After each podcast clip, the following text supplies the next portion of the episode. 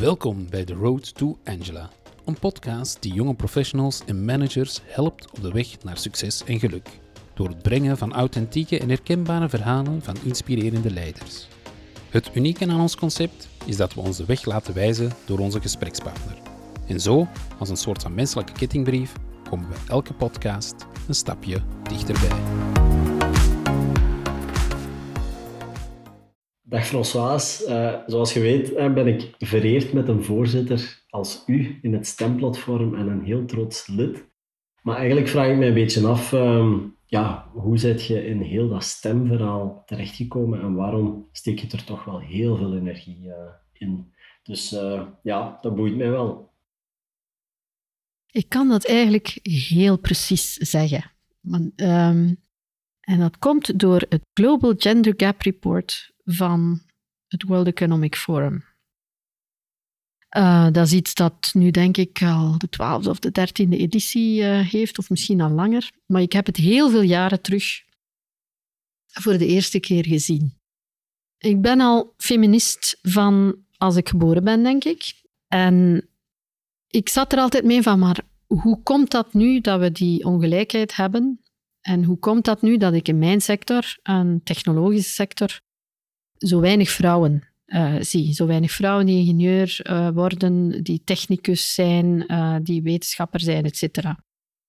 Ik zat meestal, als ik naar klanten ging of naar leveranciers, ja, was ik heel vaak de enige, de enige vrouw. En ik zat daarmee van, hoe komt dat nu eigenlijk? En het, toen ik het um, Global Gender Gap Report bekeek, van het World Economic Forum had eigenlijk had een aantal indexen, een aantal KPI's. En daar hadden ze vier stukken van gemaakt. Hoe gelijk zijn mannen en vrouwen uh, in het on onderwijs, in toegang tot onderwijs. Twee, in toegang tot zorg. Drie, in toegang tot economische participatie. En vier, politieke participatie. En mij viel op op het moment dat ik de eerste keer zag dat de gap tussen vrouwen en mannen, of jongens en meisjes, in onderwijs bijvoorbeeld, eigenlijk redelijk klein was. Dus de toegang daartoe. Dus het betekent niet dat de kwaliteit goed genoeg is, maar de toegang tot. Dat dat in de meeste landen redelijk dicht bij elkaar is. Oké, er waren een aantal uitzonderingen, maar globaal gezien vrij, vrij klein, uh, die gap. Hetzelfde met zorg, vrij klein die gap.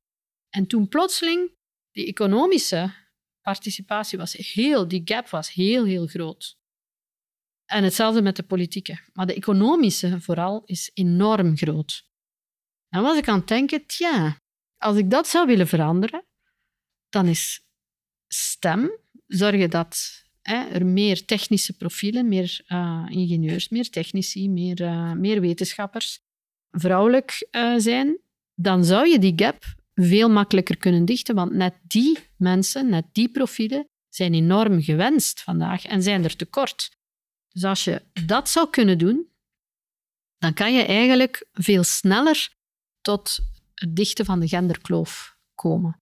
En dat, dat is eigenlijk de reden waarom dat ik daar zoveel aandacht aan uh, besteed en waarom inclusie, ook vanuit het stemplatform, nog altijd een van onze prioriteiten is. Dat staat bovenaan. Meer inclusiviteit. Dus het gaat niet alleen over gender, maar ook over ondervertegenwoordigde groepen, omdat je daarmee ook mensen uit hun uh, isolement, uit hun ja, soms erfelijke armoede kan tillen.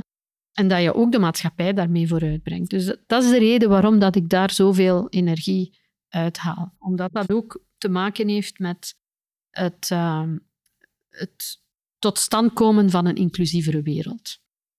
U moet wel vaststellen dat dus voor, dus pre-COVID was de Global Gender Gap Report ongeveer 99 jaar. Post-COVID is dat plotseling meer dan 130 jaar geworden. Dus je ziet hoe een pandemie eigenlijk vrouwen in een, die al in een precaire situatie zaten, eigenlijk nog groter heeft gemaakt. En gewoon voor mijn goede begrip, wat wil dat cijfer juist zeggen? Die 99 jaar, die 100 Dat is als we zouden voortdoen op het elan dat we hadden pre-COVID, dan zou het nog 99 jaar geduurd hebben tot we volledig evenwicht zouden hebben bereikt. En dus na de pandemie is dat plotseling met 30 jaar uh, verergerd. Dus we zijn er nog niet. In, in we zijn er helemaal nog niet. Hoe komt dat dan juist dat dat verergerd is? Zijn, zijn daar aantoonbare factoren? Ja, economisch. Hè? Dus vrouwen zitten meestal in, in veel precairdere jobs dan, uh, dan mannen. Vrouwen zijn op, op vrouwen rust nog altijd de grootste uh, verantwoordelijkheid als het over het zorgen voor kinderen gaat. En als je daar iets meer wil over weten, want dat is een splinter die, die al lang in mijn brein zat van, van ik kan dat niet begrijpen. Waar komt die ongelijkheid vandaan? Ik heb recent ook een boek gelezen daarover. En nu begrijp ik het beter en die splinter is eruit. Dat betekent ook dat ik weet van, oké, wat kunnen we eraan doen? Dat is die actie, wat is het antwoord? Dat is de waarheid over Eva van uh, Karel von Schaik en Kai Michel, een Nederlander en een Duitser. Twee mannen die mijn splinter uit mijn hersenen hebben uh, kunnen trekken. Vertel, nu zijn we heel benieuwd. Of uh, lees het boek, het is een klepper van een boek. Maar uiteindelijk is het probleem gebeurd op het moment dat we van jager-verzamelaars als maatschappijmodel naar landbouwers zijn overgestapt. Dan is de ongelijkheid ontstaan. Ja, want als ik me niet goed vergis, uh, waren bij de jagers-verzamelaars waren de vrouwen eigenlijk die de bovenhand hadden. Niet de bovenhand, het was veel participatiever. Dus ja, en inderdaad, er was veel meer, veel meer gelijkheid toen. Dus, uh, en dus de conclusie van het boek is, en past eigenlijk heel, heel goed in hetgeen dat, uh, dat we ook met het stemplatform willen bereiken, is enerzijds allianties tussen vrouwen. Dus een, een netwerk tussen vrouwen creëren is enorm belangrijk. Twee is de, de economische autonomie. Ja, en als je stem... Uh, als je in een stemopleiding zit en, en je gaat naar een stemberoep, dan zal je in de toekomst altijd een goed werk hebben, want het is gewoon nodig. En het derde heeft minder te maken met stemplatform, is seksuele autonomie. Als je die, dingen, die drie dingen kan naar voren brengen, dan ga je naar een wereld die veel uh, gelijker is. Dus een aanrader, dat boek. Ja, duidelijk. Zeg, in dat, dat stuk feminisme, een stuk mhm. denk ik ook activisme dat erin zit, mhm. ehm, weet je van waar dat, komt? Ik denk dat dat die splinter was die erin zat in mijn, uh, in mijn hoofd. Uh, dus de, de auteurs van dat boek noemen het zo, de splinter in het vrouwenbrein dat vrouwen hebben altijd zich verzet tegen die ongelijkheid.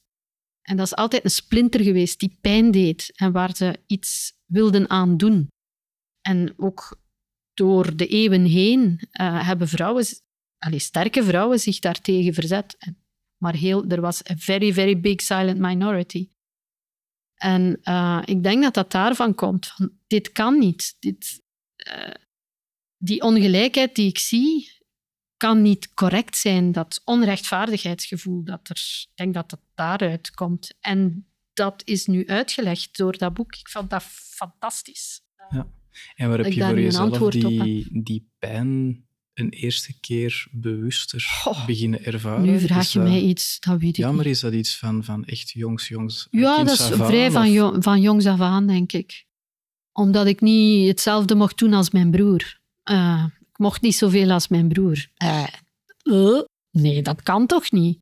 Dus dat, dat, maar ja, ook mijn ouders waren ook kinderen van hun tijd. Dus het is, ik denk dat dat daaraan, daaraan ligt, ja. En wat is voor jou nog de, de ambitie, ambitie die je hebt um, voor de komende periode, jaren met STEM?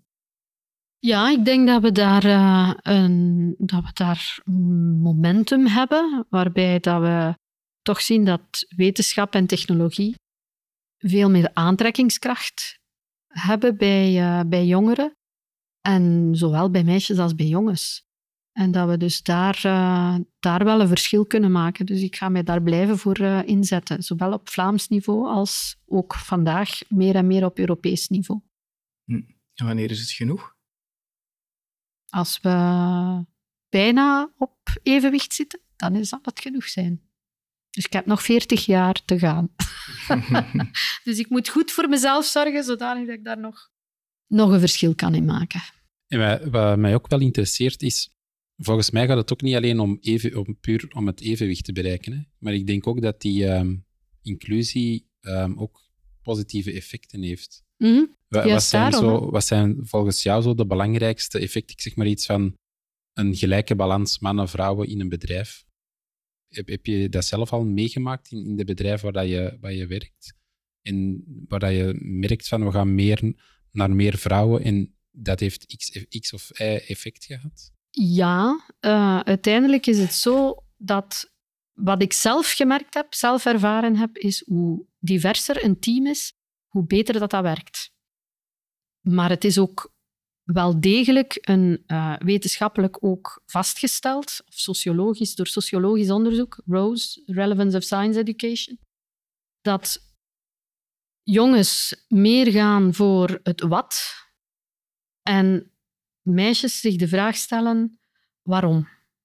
Dat is ook ergens een universeel gegeven, dat dus jongens en meisjes anders kijken naar de wereld. En dat is juist de rijkdom. Dus meisjes moeten geen jongens worden of jongens moeten geen meisjes worden.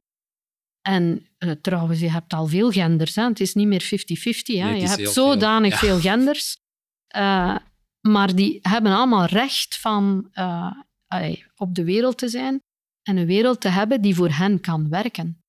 En dus die maatschappelijke relevantie is inderdaad, zoals dat je zegt, het geeft enorm veel positieve uh, effecten, omdat hoe meer perspectieven dat je meeneemt als je een product maakt of een dienst uh, ontwikkelt, hoe beter dat, die, dat dat product gaat werken voor iedereen. Voor, hoeveel meer mensen dat je daarmee kan aanspreken. Dus dat is eigenlijk ook een economische boodschap. Je kan je markt eigenlijk verbeteren of vergroten als je ja, uh, met een veel diverser team aan een bepaalde ontwikkeling werkt. En dat, hebben we, dat, heb, dat is ook mijn ervaring geweest. Je hebt veel meer innovatie in een bedrijf als je veel perspectieven bij elkaar kunt zetten. Ja, ja want dat is zo. Ik denk dat soms inclusie soms de, de connotatie krijgt van we moeten dat doen, want er moet een evenwicht zijn. Ja, maar, maar dat, eigenlijk dat... is het voor bedrijven net goed, omdat je um, daar biedt eigenlijk een antwoord op die snel veranderde ja. omgeving, omdat je Absoluut. andere perspectieven gaat krijgen en gewoon snel erop gaat kunnen inspelen. Zo is dat. Ja. ja.